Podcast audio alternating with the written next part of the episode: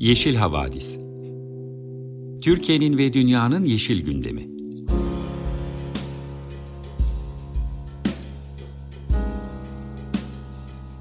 Hazırlayan ve sunanlar Demet Yaman Er, Savaş Çömlek, Dilan Altın Makas, Sare Abit ve Tansu Yeşilkır.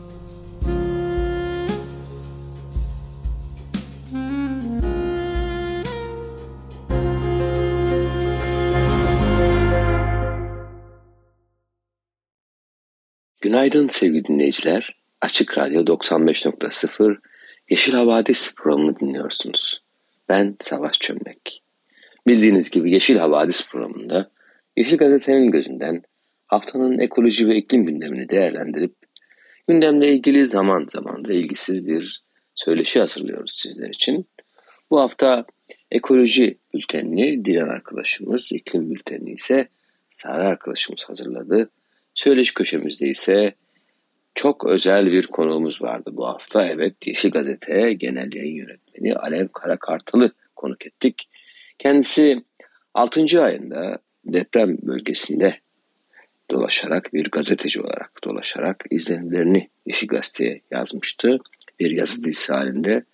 Kendisiyle 6 ayın ardından deprem bölgesinde olup bitenleri konuştuk. Gezegenimiz bir yandan iklim değişikliğinin etkileriyle boğuşurken diğer yandan da nükleer santrallerden birinin yakın zamanda patlayan Fukushima nükleer santralinin atıklarının okyanusa deşarjının hükümet tarafından, Japon hükümet tarafından onaylanması haberini duyduk. Bütün dünya kamuoyu ciddi tepki gösterdi. Buna rağmen hükümet bu uygulamayı başlattı. Nükleer santral patlaması sırasında depolanan yaklaşık 1,34 milyon ton radyoaktif suyun 40 yıllık sürecek bir e, süreç boyunca okyanusa deşarj edileceğini öğrendik. Daha güvenli başka yöntemler varken bu yöntemin seçilmesinin nedeni tabii ki her zaman olduğu gibi ekonomik olması. Gezegenin, ekosistemin göreceği zarar göz ardı ediliyor. Son derece üzücü bir durum. Biz de belki de yeterince tepki gösteremedik. Sesimizi duyuramadık.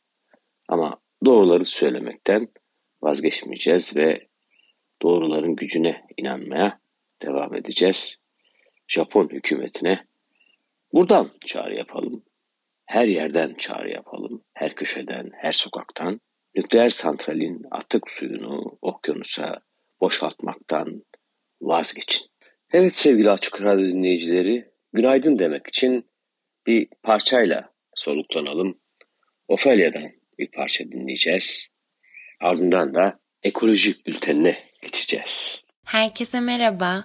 Çok güzel bir pazar sabahı diliyorum hepinize. Ben Dilan Altınmakas. Bu hafta ekoloji bülteniyle karşınızdayım tekrar. Yeşil Gazete'yi kaynak alarak derlediğim haberlerin ilki ekolojik talanın Karadeniz üzerindeki etkisine dair. Ekolojik talan, küresel iklim değişikliklerine neden olmaya, ekosistemin bozulması ve canlı varlıklarını tehdit etmeye devam ediyor. Ekolojik talanın yoğun şekilde yaşandığı bölgelerden biri de Karadeniz bölgesi.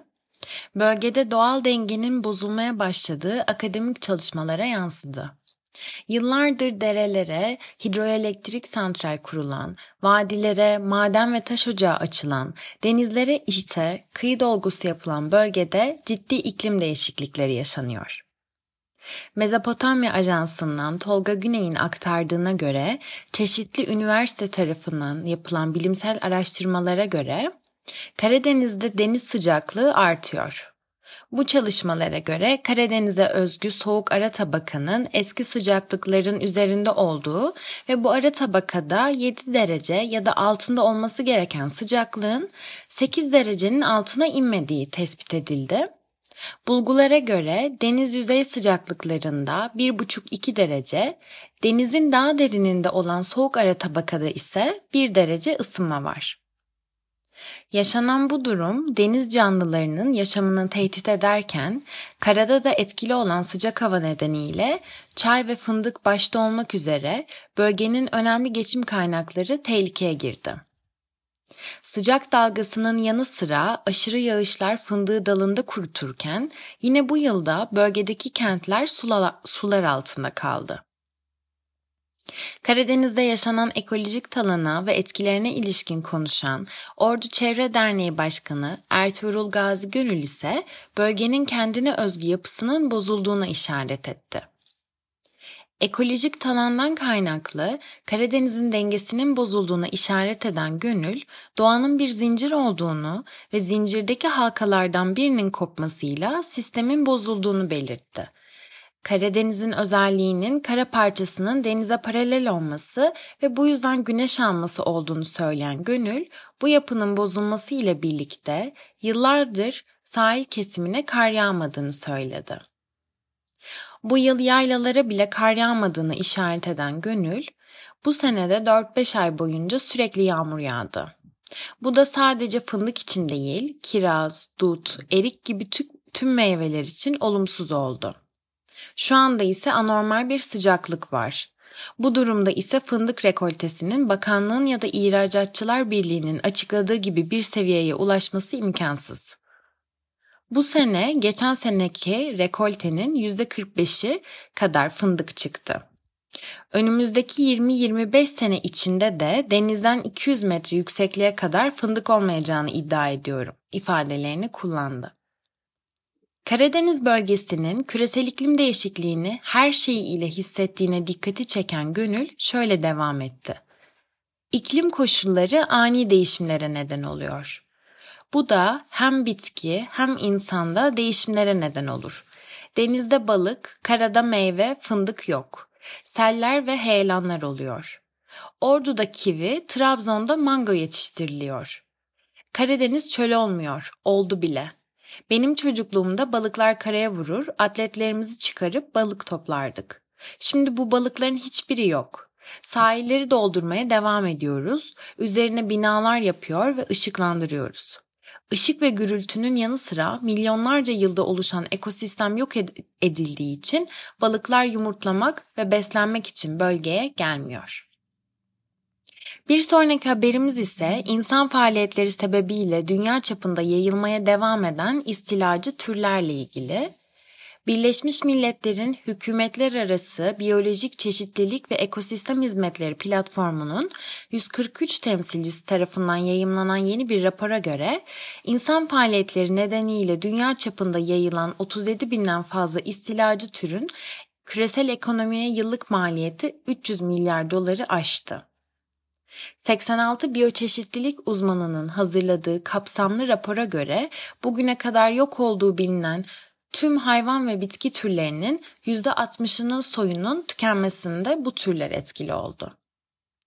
Japon madımağından diş budak ağaçlarını öldüren mantarlara ve balon balıklarına kadar dünya çapında insanlar tarafından doğal olarak bulunamayacakları yerlere taşınan canlılara istilacı yabancı türler adı veriliyor. Bunlar doğaya, gıda güvenliğine, insan ve insan dışı yaşama tehdit oluşturuyor. Raporun ortak yazarı İngiltere Ekoloji ve Hidroloji Merkezi'nden Profesör Helen Roy, BBC'ye iklim değişikliğinin durumu daha da kötüleştireceğini söyledi. Gelecekte istilacı yabancı türlerden kaynaklanan tehdit büyük bir endişe kaynağı. Bugün bilinen 37 bin yabancı türün %37'sini 1970'ten bu yana kayda geçenler oluşturuyor.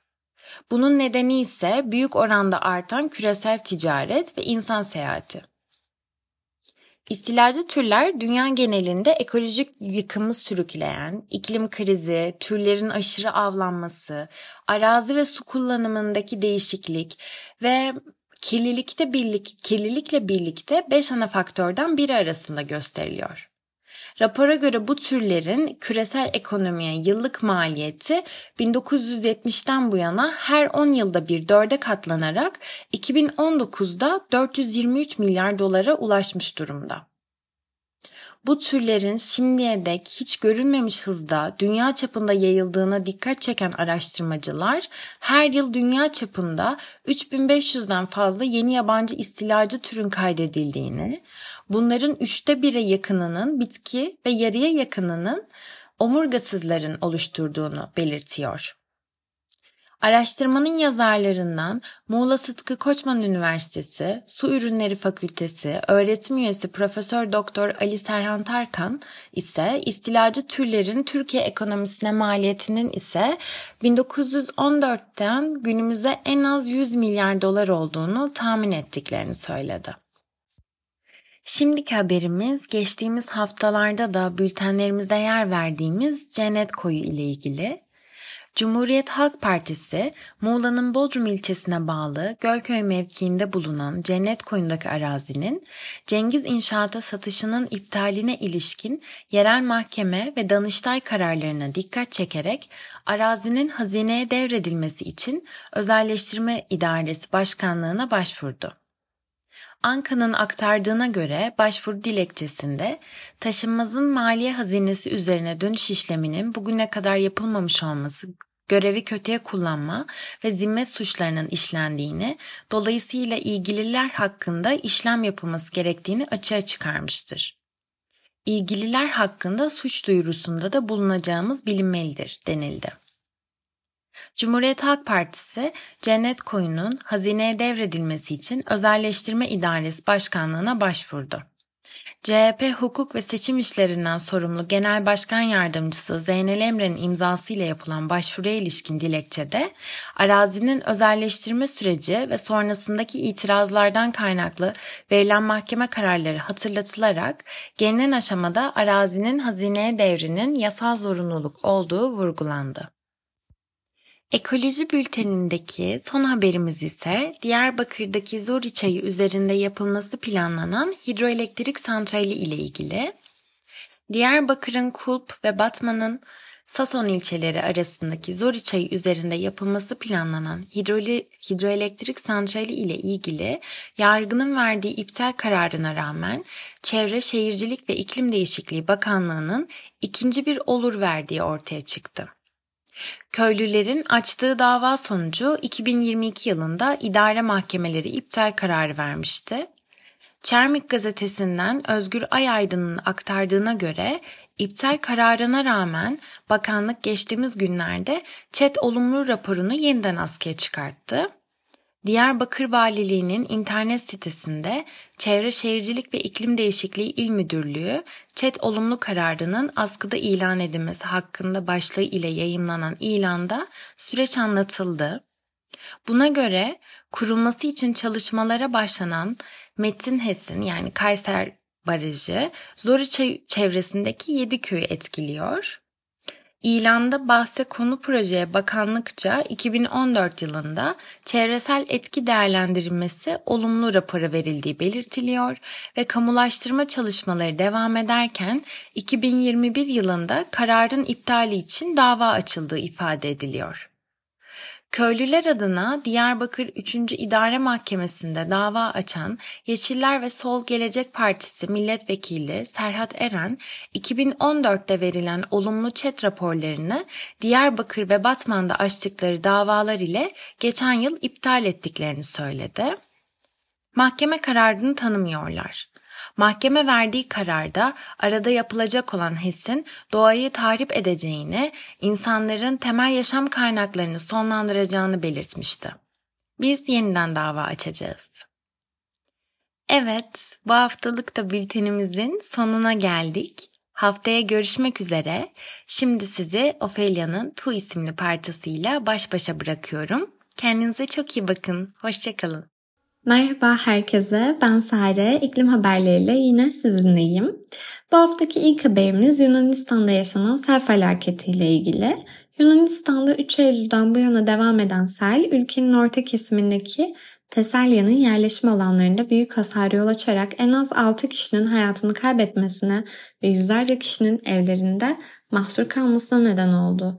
Yunanistan'ın iklim krizi ve sivil koruma bakanı Vasilis Kikilias bugüne kadar 885'ten fazla kişinin kurtarıldığını ve 6 kişinin kayıp olduğunu açıkladı. Hükümet sözcüsü Pavlos Marinakis ise ülkemizde geçmişte görmediğimiz bir fenomenle karşı karşıya kaldık dedi. Bazı bölgelerin 12 saat içinde Atina'nın ortalama yıllık yağışının iki katından fazlası yağış aldığını belirtti. Sel nedeniyle bulunduğu binada mahsur kalan bir vatandaş Yunan televizyon kanalı Alfa'ya şunları söyledi. Burası deniz gibi. Yardıma ihtiyacımız var. Bizi almak için gelmeleri gerekiyor. Ne yapacağımızı bilmiyoruz. Suyumuz ve yiyeceğimiz yok. Yaklaşık 60 kişiyiz. İçinde bulunduğumuz bina sağlam değil. Sallandığını hissedebiliyorum. Burada toplamda 300 kişi vardı. Bazıları gitti. Kurtarabile kurtarabileceğimizi kurtardık ama kayıp kişiler de var. Başbakan Kyriakos Mitsotakis sel felaketi yaşanan bölgeleri ziyaret etmek için planlanmış olan yıllık ekonomi durumu konuşmasını ve hafta sonu Selanik'te yapılması planlanan bir basın toplantısını erteledi. İnsanlar kamu hizmetlerinin çalışmadığını düşünüyor. Yunanistan'ın batısındaki Volos şehri elektriksiz ve susuz kaldı. Yunan kamu kanalı ERT'nin haber haberine göre yerel yönetim diyaliz ve kemoterapi tedavilerinin devam edebilmesi için yüzme havuzlarındaki suyu şehirdeki hastanelerden birine aktarmaya karar verdi. Al Jazeera'dan John e, Pasaropoulos birçok insan kamu hizmetlerinin gerçekten çalışmadığını düşünüyor. Yaşanan sel için bazı önleyici tedbirler alınabilirdi ve alınmalıydı dedi. Yetkililer İskados adası da dahil olmak üzere 3 bölgedeki ulaşımı geçici bir süreliğine yasakladı. Polis bölgedeki insanlara dışarı çıkmamalarını, binaların bodrum katlarından ve zemin katlardan uzaklaşmaları yönünde uyarıların bulunduğu mesajlar gönderdi. 6 Eylül'de başkent Atina'yı da vuran tekrarlayan yağışlar sokakları sular altında bıraktı ve şehir merkezinin en işlek caddelerinden birini çamur seli haline getirdi. İnsanlar sularda sürüklendi. Avrupa Birliği yetkililerine göre geçen ay Yunanistan'ın kuzeyindeki yangınlar Avrupa'da şimdiye kadar kaydedilen en büyük yangınlardı. Meteorologlar bu hafta Yunanistan'ın orta kesimini vuran yağış seviyesi karşısında şaşkına döndüklerini belirtti ve bunu 10 yıllardır en şiddetli yağış olarak nitelendirdi. Şimdi de ülkemizden bir haber ile devam ediyoruz. Denizlerde su seviyesi yükseliyor, İstanbul ve İzmir'in kıyıları tehdit altında. Küresel Denge Derneği tarafından hazırlanan İstanbul ve İzmir illeri için deniz seviyesi yükselmesi ve olası etkileri adlı rapor İstanbul'da düzenlenen bir toplantıda tanıtıldı. 3 yıllık bir çalışmanın sonunda hazırlanan raporun yazarları iklim dinamiği ve ekoloji uzmanı Profesör Doktor Nusret Dalfes ile İstanbul Üniversitesi Edebiyat Fakültesi Coğrafya Bölümünden Profesör Doktor Sedat Avcı. Rapora göre iklim değişimine bağlı olarak deniz seviyesinin yüzyılın ortasında 0,5 metre, yüzyılın sonunda ise 1 metre yükselmesiyle 3 tarafı denizlerle çevrili Türkiye'nin kıyı şehirleri risk altında. Sadece İstanbul'da 6 milyondan fazla kişinin yaşadığı 120 kilometre karelik bir bölge sular altında kalacak. İstanbul'da Dolmabahçe Sarayı, Beylerbeyi Sarayı ve Ortaköy Camii gibi tarihi yapılar deniz seviyesinin yükselmesinden etkilenecek. İzmir'de Körfez, Kordon ile Alaçatı ve Sağcak gibi tatil beldeleri ayrıca Gediz Deltası kuş cenneti tehdit altında. İstanbul'da 16 atık su arıtma tesisinden 12'sinde, İzmir'de bulunan 20 atık su arıtma tesisinin 4'ünde sorun yaşanabilir. Deniz suyu yeraltı sularına karışabilir. Bu özellikle İzmir'de tarımsal üretim açısından ciddi sıkıntı yaratacak. Hükümetler Arası İklim Değişikliği Paneli yani IPCC'nin öngördüğü en olumsuz senaryo olan deniz seviyesinin küresel olarak yüzyılın ortasında yaklaşık 0,5 metre, yüzyılın sonunda ise yaklaşık 1 metre yükseleceği hesabına dayanarak hazırlanan çalışmada İstanbul ve İzmir'e odaklanılıyor. Raporun tanıtımında en kötü şartları hesaba katarak çalışmayı yürüttüklerini söyleyen Dalfes, bana sorarsanız bu en gerçekçi senaryo. Çünkü insanların bu konuda ciddi bir şeyler yapabileceği konusunda çok ümitli değilim dedi. Karar vericiler bütün insanlık. Küresel Denge Derneği Başkanı Doktor Nuran Talu ise İstanbul ve İzmir'in seçilme nedenlerini İzmir ve İstanbul hem ekonomik hem de sosyal açıdan daha önemli şeyler olduğu için seçildi. Burada çıkacak sorunlar daha büyük zararlar getirebilir şeklinde açıkladı. Talu açılışta yaptığı konuşmada ulusal ve yerel, yerel karar vericiler başta olmak üzere tüm paydaşların iklim değişimi bağlantılı deniz suyu yükselmesi sorununa dikkatlerini çekmek istedi ve karar vericilerin politikacılar olmadığını, tüm insanlığın karar verici olduğunu belirtti. Çalışmaya göre hem coğrafi yapıları hem de komşusu oldukları denizlerin farklı özelliklere sahip olması nedeniyle İstanbul ve İzmir deniz seviyesi yükselmesi ve fırtına kabarması olaylarından farklı düzeylerde etkilenecek. Delfes İstanbul'da Marmara Denizi'nin kıyısı olan ilçelerde 6 milyondan fazla insan yaşadığını dikkat çekerek şunları söyledi. Şehirde yüksekliği 2 metreden az olan yaklaşık 120 kilometre karelik bir alan risk altında. Bu neredeyse Maltepe ve Fatih ilçelerinin toplam yüz ölçümüne eşdeğer bir alan. İstanbul'un güney kıyılarının deniz seviyesindeki değişimden daha fazla etkileneceği hesaplanıyor. Rapora göre İstanbul Boğazı'nın tamamının özellikle de kıyılarda yer alan konak, saray, dini ve tarihi yapıların deniz seviyesindeki değişimden etkilenmesi bekleniyor. Dolmabahçe Sarayı, Beylerbeyi Sarayı, Küçük Su Kasrı gibi saraylar ve Şemsi Paşa Camii, Ortaköy Camii gibi yapılar etkilenme ihtimali bulunan değerli yapılar olarak öne çıkıyor. Bu yapıları korumak için daha kalıcı önlemler alınması gerekli. Öte yandan deniz seviyesinin yükselmesiyle birlikte Göksu ve Küçük Su gibi akarsularda akarsu yatağının bir bölümünün de sular altında kalması söz konusu. Aynı etki Kadıköy'deki Kurbağalıdere Vadisi'nde de bekleniyor. Avcı tarihi yapıların kurtarılabileceğini ama bunun için harekete geçmek gerektiğini vurguladı. Öncelikle tarihi yapıların çevresinde bu yapıların zarar görmesini engelleyecek yöntemlerin alınması gibi önlemler alınabilir. Ancak bu yapıların kurtarılmasını sağlamak doğal süreçlere, süreçlere pek gerçekleşecek gibi durmuyor. Bu hususta iyi bir yatırım ve iyi bir planlama gerektiren mühendislik hizmetleri şart ama bunun olacağını sanmıyorum dedi. İstanbul'da deniz seviyesi yükselmesi, iskelelerde de bazı yenilemeler yapılmasını gerektirecek. Rapora göre Üsküdar iskelesinde Lodos'lu havalarda oluşacak fırtına kabarmalarına karşı mühendislik tedbirleri, Kadıköy'de ise deniz seviyesinde yükselmenin ardından yaşanabilecek fırtına kabarmaları metro girişlerini etkileyebilir ve bunun için önlem alınması gerekebilir. Prens Adaları'nın da Özellikle yerleşim yerlerinin bulunduğu iskele ve kıyı bölgelerinin etkilenebileceği öngörülüyor. Fenerbahçe Maltepe sahil şeridi de riskli bölgelerden. Deniz seviyesinin yükselmesine bağlı olarak bu kıyılarda bazı düzenlemelerin yapılmasının şart olduğuna dikkat çekiliyor. Avcı, İzmir'de deniz seviyesindeki değişim en çok İzmir körfezini etkileyeceğini vurguladı. Çalışmanın verilerine göre özellikle kordondaki rıhtımın dalgaları kıracak ve yansıtacak şekle dönüştürülmesi önemli. Karşıyaka'da mevcut düzenlemelere ek olarak deniz seviyesinin değişmesinden sonra bir takım önlemlerin alınması gerek. Benzer şekilde Karşıyaka'dan Mavi Şehir'in batısına kadar devam eden bir set bulunsa da deniz seviyesindeki yükselme nedeniyle yeni önlemlere gerek duyulabilir. Deniz seviyesi yükselmesinin kıyı boyunca bazı alanların sular altında kalmasına ve tuzlu suların yeraltı sularına karışmasına sebep olacağı tahmin ediliyor. Bu durum tarım açısından ciddi sorunlar yaratabilir.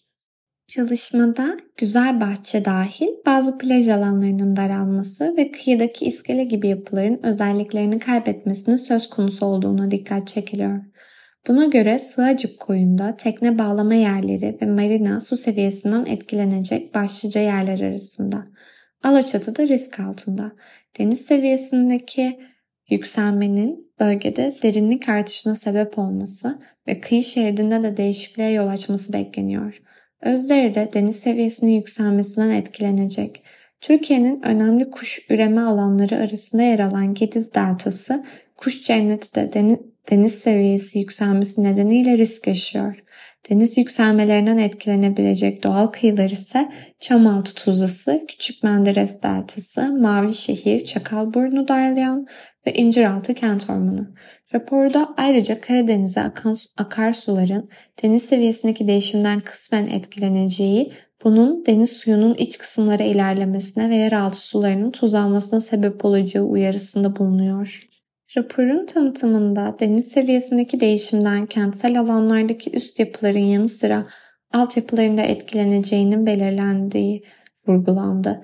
Mercek altına alınan her iki ildeki arıtma tesislerinin dağılımı ve meydana gelebilecek sorunların detaylı çalışmalarla ortaya konduğu belirtilen açıklamada buna göre deniz seviyesindeki değişikliklerin atık su şebekesinde fiziksel hasara yol açabileceği ayrıca verim kaybından işletme maliyetlerinin artmasına kadar farklı etkileri olabileceği belirtildi. Arıtma sonrası oluşan atık suda belirli oranlarda tuz kalması bu suyun tarımsal sulamada kullanılmasının önündeki en önemli engel. Önlem alınmadığı takdirde daha fazla deniz suyunun atık su sistemine karışması kaçınılmaz.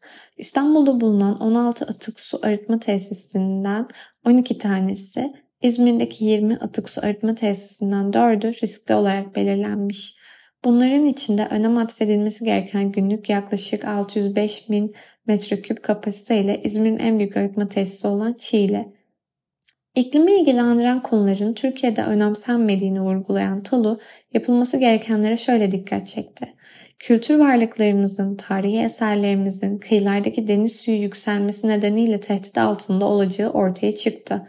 Bunlara baktığımız zaman bu tehditler için önlemler alınması gerekiyor. Bu önlemler de bir belge veya rapor yazmayla olacak konular değil. İşin doğrusu konferanslarla da değil. Ama işaret etmemiz gerekiyor ki yatırım yapmaları gereken kuruluşlar gereğini yapsın. DAFES ile devletin kayıt sistemini eleştirdi. İklim değişikliğine bağlı olayların kayıtlarının tutulmamasını toplumsal bir ayıp olarak nitelendiren DAFES, fırtına kabarmaları sonucundaki bu su baskınları ile ilgili kayıtları sorduk. Nereye kadar su geldi? Ne zamanlar oldu? Bunlara dair ayrıntılı kayıt bulamadık diyen Dayfes, zengin bir veri tabanı oluşturulması için çalışma yapılmasının gereğine işaret etti. Deniz seviyesinin yükselmesinin iklim değişikliğinin ciddi bir sonucu olduğunu aktaran Dalfes, deniz seviyesinde yükselme, suyun yer değiştirmesi, karalardaki buzların erimesi anlamına geliyor. Okyanusların ısınması anlamına geliyor. Bütün bunların sonucunda deniz seviyesi yükseliyor diye konuştu. İklim değişikliği karşımıza iki türlü çıkıyor. Bir takım ekstrem olayların sıklıklarında ve büyüklüklerinde değişmeler. Sıcak dalgaların sonuçları buna örnek olabilir. Bir de bazı şeyler de yavaş yavaş çıkıyor. Deniz seviyesinin yükselmesi de bunlardan biri. Esas olarak bu sinsi hareketleri dikkatli izlemek lazım. Avcı ise iklim değişikliğinin insan sebebiyle oluşan bir olay olduğunu tekrar vurguladı. Şimdi deniz seviyesi yükselmesini biz iki farklı şekilde düşünebiliriz. Bir tanesi jeolojik dönemler boyunca meydana gelen, milyonlarca yıl süren bir deniz yükselmesi. Bundan bahsetmiyoruz. Bizim esas burada bahsettiğimiz iklim değişikliğine bağlı olarak, iklimin değişmesine bağlı olarak ortaya çıkan yükselme. Özellikle biz bunu antropojenik yani insanın neden olduğu etkilere bağlıyoruz. İnsanların zararı sürekli gerçekleşen bir olay. İklim değişikliğinin çözümü hakkında çok ümitli olmadığını belirten Sedat Avcı, biz bu etkiyi ne zaman ortadan kaldırabiliriz? Eğer sera etkisi yaratacak olan gazların salınımını ortadan kaldırmasını sağlayabilirsek. Sağlayabilir miyiz? İşte orası biraz zor diye konuştu. Bu haberimizle birlikte e, bu haftaki iklim gündemlerimizin sonuna geldik. Haftaya tekrar yeni haberlerle birlikte görüşmek dileğiyle. Hoşçakalın. Sevgili dinleyiciler, iklim bülteninin ardından söyleşi köşesine geçmeden önce kısa bir müzik arası vereceğiz. Life Looks Better, Constant Adventure. Günaydın sevgili dinleyiciler. Yeşil Havadis söyleşi köşesine hoş geldiniz. Açık Radyo 95.0'ı dinliyorsunuz. Bugün çok değerli bir konuğumuz var. Bütün konuklarımız değerli ama Alev herkesten farklı. Çünkü Alev Yeşil Gazete Genel Yayın Yönetmeni. Kendisi ilk defa programımıza konuk oluyor. Ee, konumuz ne yazık ki çok da neşeli bir konu değil. Depremden söz edeceğiz. Alev hem depremden önce tesadüf tabii hem de depremden sonra deprem bölgesinde, deprem şehirlerinde bulunduğu bununla ilgili bir yazı dizisi de hazırladı. Yeşil Gazete'de. E, onları takip edebilirsiniz arzu edenler. Biz tabii canlı olarak kendisinden deprem bölgesinde neler olup bittiğini dinlemek istiyoruz. Yakın zamanda oradaydı Alev. Evet Alev, hoş geldin. Selam, hoş bulduk. Depremden sonraki tesadüf değil yalnız. Önceki tesadüftü. Tabii. Sonraki Bileğisi'ye gitmekti. Bize anlatmak ister misin neler gördün, karşılaştırma şansı buldun, öncesinde oradaydın, sonrasında oradaydın ve bir yazı dizisi hazırladın, çalıştın, dolaştın, deprem bölgesinin e, birçok yerinde bulundun. E, neler oluyor deprem bölgesinde?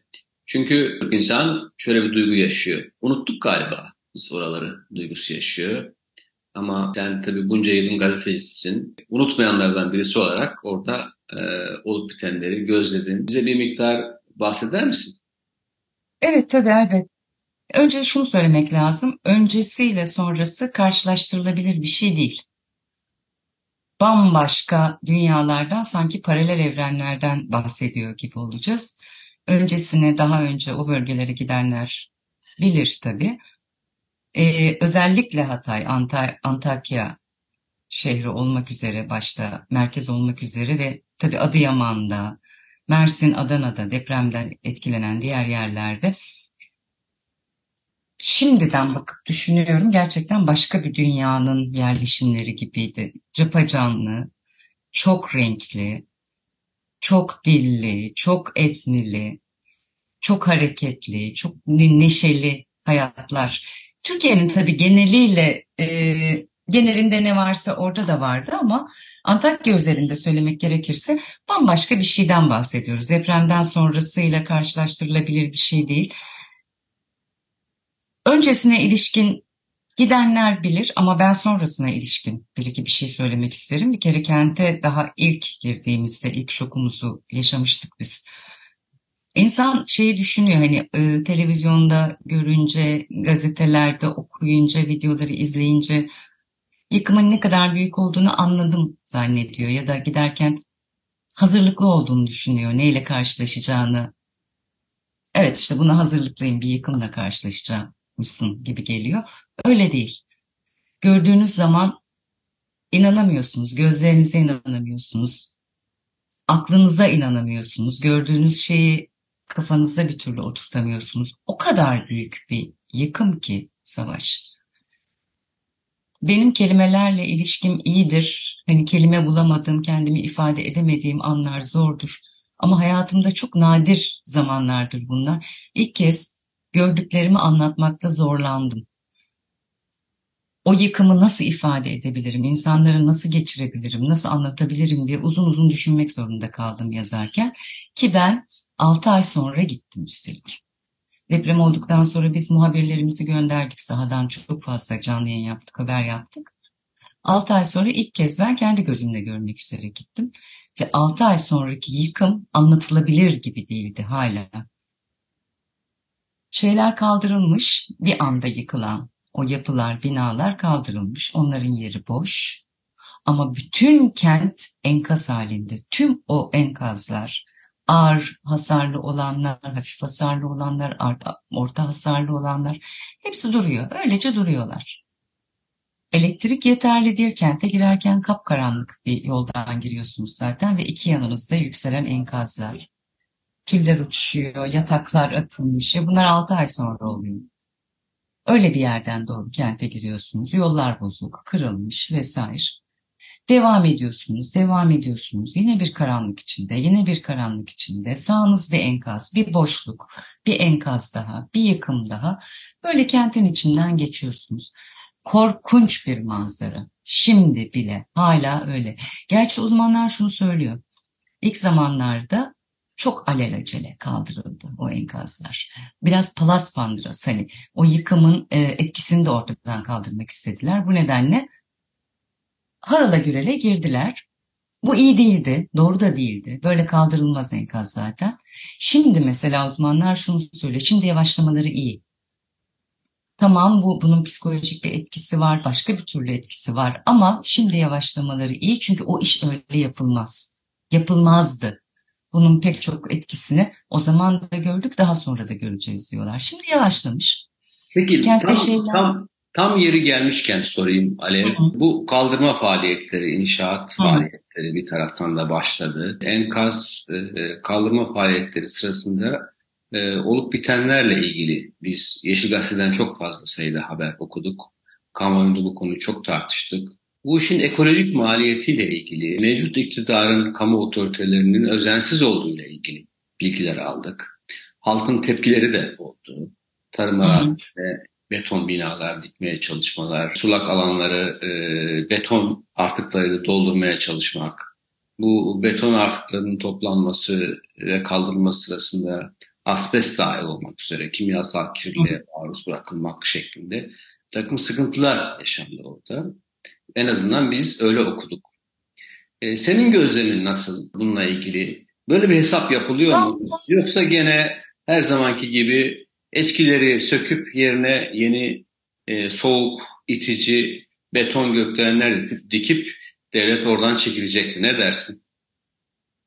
Tam da dediğin gibi zaten sürekli yazıp çiziyoruz bunu. Aynı şeyi gözlerimizle de şahit olduk. Bir kere küçük bir Türkiye örneği olmuş. Özellikle Antakya ve bir inşaat ya Resulullah Cumhuriyeti gibi. Bir yandan yıkımlar yapılıyor, ağırlaşmış ve yavaşlamış olmakla birlikte. Ağır hasarlılardan başlamışlar, tek tek yıkıyorlar. Bir yandan onlar yapılıyor.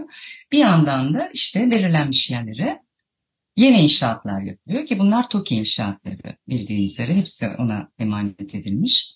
Bir yandan da inşaatlar yapılıyor ya da yapılmaya çalışılıyor. Şimdi oradaki en büyük sorunlardan biri e, bir şeffaflık eksikliği. Tabii sadece orada değil dedim ya küçük bir Türkiye örneği bir kez daha yaşıyoruz ne yazık ki. En başından itibaren yaşadık bunu. Hani deprem oldu, insanlar altında kaldı, ondan sonra kurtarma gidemedi. Şimdi hala susuzluk, elektriksizlik, bir sürü ihtiyaç devam ederken hani bir bildiğin bir Türkiye şeyini orada da yaşıyoruz. Bir yandan da işte insanların ellerindeki toprakları, üstelik bu topraklar hani verimli tarım arazileri. Onlar acele kamulaştırma kararlarıyla, bu Cumhurbaşkanlığı kararı biliyorsun bunlar. Alelacele kamulaştırıldı. Hiç itirazlara falan bakılmadan orada bir yandan da inşaatlar, TOK inşaatları başlıyor ve bunların hepsi dediğin gibi bir örnek binalar, büyük bloklar yan yana dizilmiş dizilmiş kocaman bloklar.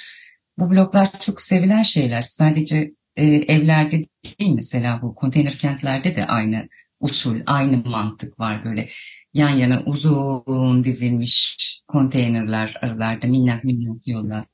O yüzden de pek çok insan örneğin gitmiyor konteyner kente. Böyle enkazların arasında hala çadırlarda ve kendilerinin satın aldığı konteynerlerde yaşamayı tercih ediyorlar. Bunun da nedeni tıpkı diğerlerinde olduğu gibi şeffaflık olmaması, devlete sonsuz bir güvensizlik var. Ne yapılacağını asla bilmiyorlar. Kimseye bilgi verilmiyor. Sadece halka değil, orada yaşayan doğrudan olan halka değil. Ne meslek odalarına bilgi veriliyor, ne gazetecilere bilgi veriliyor. Peşinde koşmadığımız insan kalmadı. Nasıl yapacaksınız? Ne zaman yapacaksınız? Planınız ne? Nerede yapacaksınız? Bu konuda bilgi alamıyoruz. Kimseden alamıyoruz. Böyle bir şeffaflık eksikliğinde kente büyük bir şey kuşku hakim olmuş durumda. Kimse evini bırakıp bir yere gitmek istemiyor. Evimin dibinde olayım ki yarın öbür gün elimden alırlar mı diye korkuyorlar. Haksızlar mı? Değiller çünkü biz oradayken mesela şimdi dikmeceyi bilirsiniz şu anda uzunca bir süredir dileniyor orada insanlar. Dikmece bir Alevi köyü. Şeyin Antakya'ya bağlı, merkeze bağlı bir köy ama çok dağlık bir alanda, yüksek yani uzak bir yerde kurmuşlar yerleşimlerini. Ve bu depremden sonra Birdenbire orası işte acele kamulaştırmaya dahil olmuş, yapmışlar. İnsanların böyle kendilerine ait tarlaları, bağları, zeytinlikleri bir bakıyorlar bir gün kalkıyorlar ki şeyden düşmüş, tapulardan düşmüş, e-devletten bakıyorlar birdenbire artık yok öyle bir malları. Ve alelacele hemen o arz, o tarım arazisinin, o zeytinliklerin üzerine bir inşaat faaliyeti başlamış, girmişler. Ben orada ne zaman oradaydım? İşte Mayıs sonlarında oradaydım. Kaç ay oldu? Üç ay oldu. Üç aydır dikmeceliler çadırlarını kurdular ve direniyorlar. Hani başka yerde var, yan tarafta hazine arazileri var, toplu konut yapmayın demiyoruz. O kadar da makul isteklerle geliyorlar ki elbette yapın, istediğiniz yeri yapın ama işte hazine arazisi var. Çünkü insanların elinden aldıkları zaman bu toprakları ve evleri, evlerini de almışlar. Onlara geri satıyorlar bunları biliyorsun. Hani ben aldım yerine sana bunu vereyim gibi değil. Bir kere tarım arazilerinin oluyorlar. Başka bir şey bilmiyor bu insanlar. Köylü orada yaşayan köylüler. Hem tarım arazilerinden oluyorlar, hem zeytinliklerinden oluyorlar, hem TOKİ evlerinden ev satın alamıyorlar tekrar çünkü üzerine para koymaları lazım. Bu ne demek? Yoksullaşma demek, göç demek ve onlar sürgün edilmek diye tanımlıyorlar. Bizi buradan sürgün etmek istiyorlar. Bir de tabii Alevi bir köyü olduğu için e, başka şüpheler de doğuyor. Niye biz? Alevileri mi yok etmek istiyorlar? Orada ciddi bir Suriyeli nüfusu var. Bu şüphe de var. Acaba bizi işte gönderip buradan onları mı getirecekler? Bir nüfus değiş tokuşu mu yapılacak burada? Haklı diyebilirsin, haksız diyebilirsin ama Türkiye ortamında bunların da yapıldığı bir yerde insanlar bir de yeterince bilgilendirilmezse şeffaf bir biçimde onlara anlatılmazsa ne yapılacağı ya da fikirleri alınmazsa e, günün sonunda olacağı bu. Kimse güvenmiyor, devletine, yönetimine güvenmiyor. Herkes kişisel ne olursa işte o köyler orada örgütlendi, eylem yapıyorlar. Biz gittiğimizde ilk eylemlerini yapmışlardı. İlk eylemlerini biz çektik, yayınladık. Şimdi bilmem kaçıncı eylem ve artık toplu davalar açmaya başladılar. Bir Tabii sonuç burada- olacak mı onu Tabii bilmiyoruz. Sen burada bilgi vermiyorlar diyorsun. Aslında onay almaları gerekir. Yani yerelden Evet. onay almadan Evet. iktidarın, hükümetin herhangi bir faaliyette bulunmaması beklenir. Hele böyle Onay almayı bırak, ola- bilgi bile. Yani Evet, onay almayı bırak, bilgi bile vermiyorlar diyorsun. Evet, Birinci sorun bu. Birinci sorun şu hani yerle yeksan olmuş bir yerde zaten insanlar hala e, ölülerini ararken 4000'e yakın kayıp var. O kaldırılmamış enkazların altında insanlar var. Kaldırılmışlarla beraber bir yerlere götürülmüş o molozların arasında bu insanların yakınları var. Hala suları yok. Hala elektrikleri yok. Hala hijyen malzemeleri yok. İnsanlar bir yandan bunlarla uğraşırken, bir yandan yaslarını tutamamışken, bu tür bir e, kaos içindeyken bir de hani malının, mülkünün, evinin, barkının, tarlasının, zeytinliğinin peşinde koşmak zorunda kalıyor ve bu şey gibi hani travma üzerine travma, travma üzerine travma yaşıyorlar.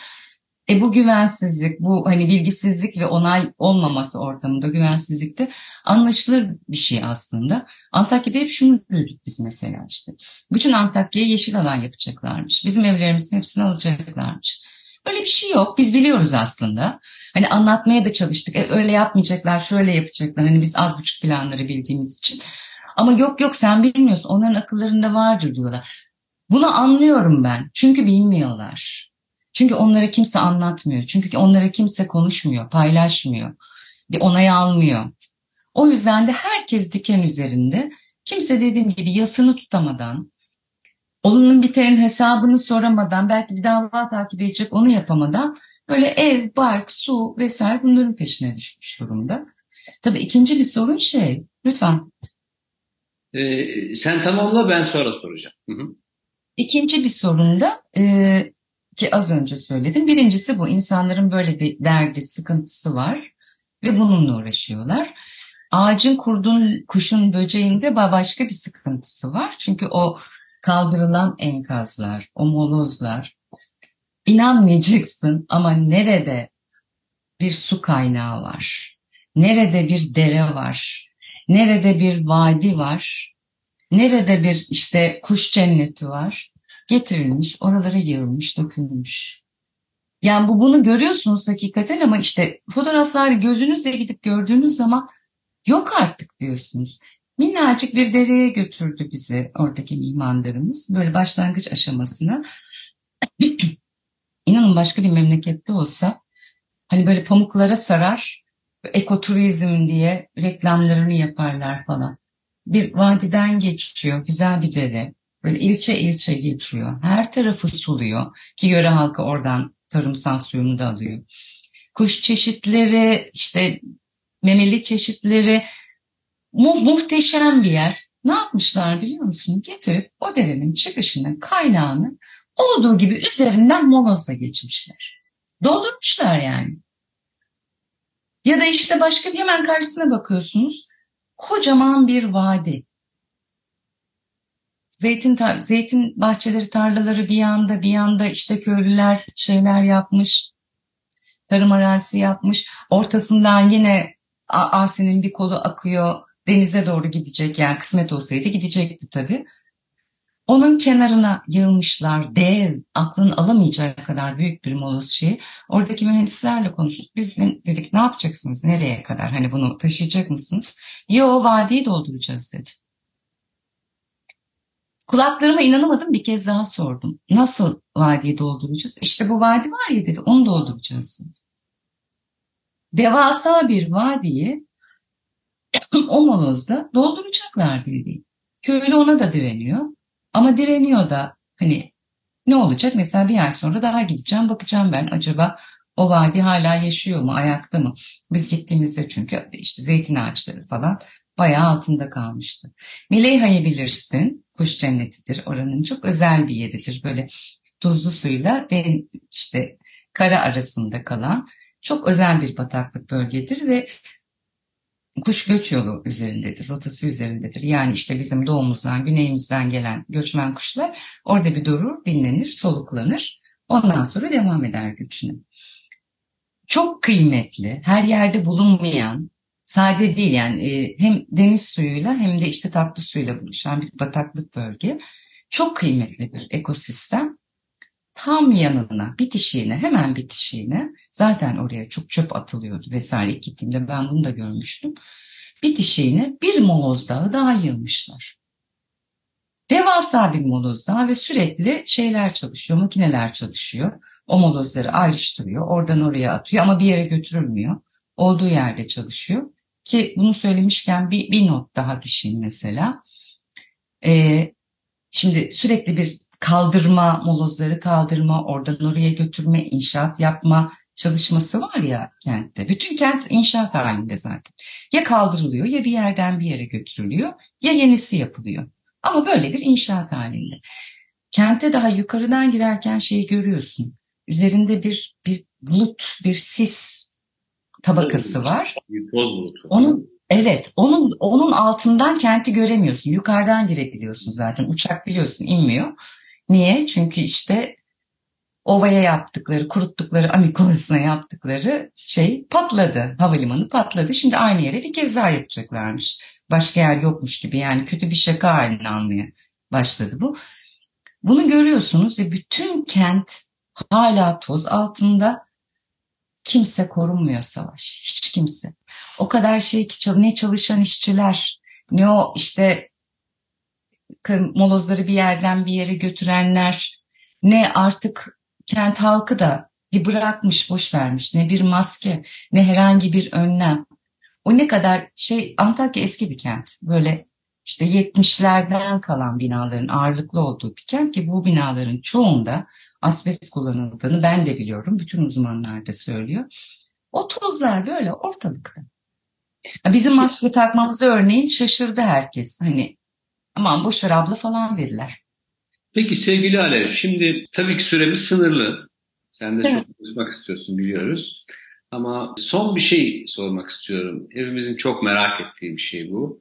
Depremin ilk zamanlarında hem sivil toplum hem gönüllüler hem toplumun değişik kesimleri çok fazla duyarlıydı ve bölgeye çok sayıda insan da gitti. Çok sayıda destek de gitti. 6 ay sonra ne oldu acaba? Çünkü herkesin endişesi şuydu. Herkes gidecek. Biz gene devlet kamu görevlilerine muhtaç kalacağız diye düşünüyordu. Oradaki insanların çoğu öyle hissediyorlardı. Çünkü hep öyle olur deniyordu. Hakikaten öyle mi olmuş? Orası e, kamu yetkililerinin yardımına muhtaç hale mi gelmiş? Toplumun diğer kesimlerindeki gönüllü destek ne durumda? Var mı? Devam ediyor mu? Onu senden bir dinlemek isteriz. Keş- Keşke bunu söylemek zorunda kalmasaydım ama evet ne yazık ki genel olarak dediğin gibi olmuş. En büyük şikayetleri oydu zaten. Bizi unuttunuz diyorlar. Siz orada normal, o normal neyse işte normal hayatınıza döndünüz ve bizi unuttunuz diyorlar ve bize dönüp hatta sistemlerin en çoğu şu bize dönüp oradan bakıp artık siz de normalleşin deniyor ya bazen. Hani siz de bir normale dönün deniyor ya. Buna çok öfkeliler çünkü hangi normal diyorlar? Neye dönelim? Hangi normale dönelim? Evet unutulduklarını artık hani e, göz ardı edildiklerini bütün ülkenin kendi gündemlerine döndüğünü ve kendilerinin orada yalnız bırakıldığını tek başına bırakıldığını hissediyorlar Bunu ifade de ediyorlar. Evet hani yöneticilere, devlete kızgınlar, öfkeliler, hayal kırıklıkları var. Ama bir yandan Türkiye'deki diğer insanları da var. Herkesin hani e, gözden çıkarıldıklarını, bir, bir kenarda bırakıldıklarını düşünüyorlar. Bunun iki istisnası var yalnız. Bir kadınlar. O kadın dayanışması hala çok etkin bir biçimde devam ediyor.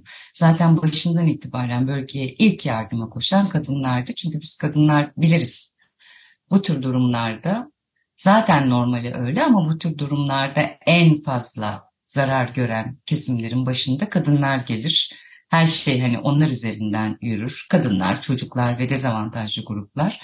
O yüzden ilk yardıma koşan onlardı kadınlar e, desteklerini, dayanışmalarını hala inatla, ısrarla sürdürüyorlar. Bir kere onların hakkını yememek lazım. Kadın örgütleri hala çok faal.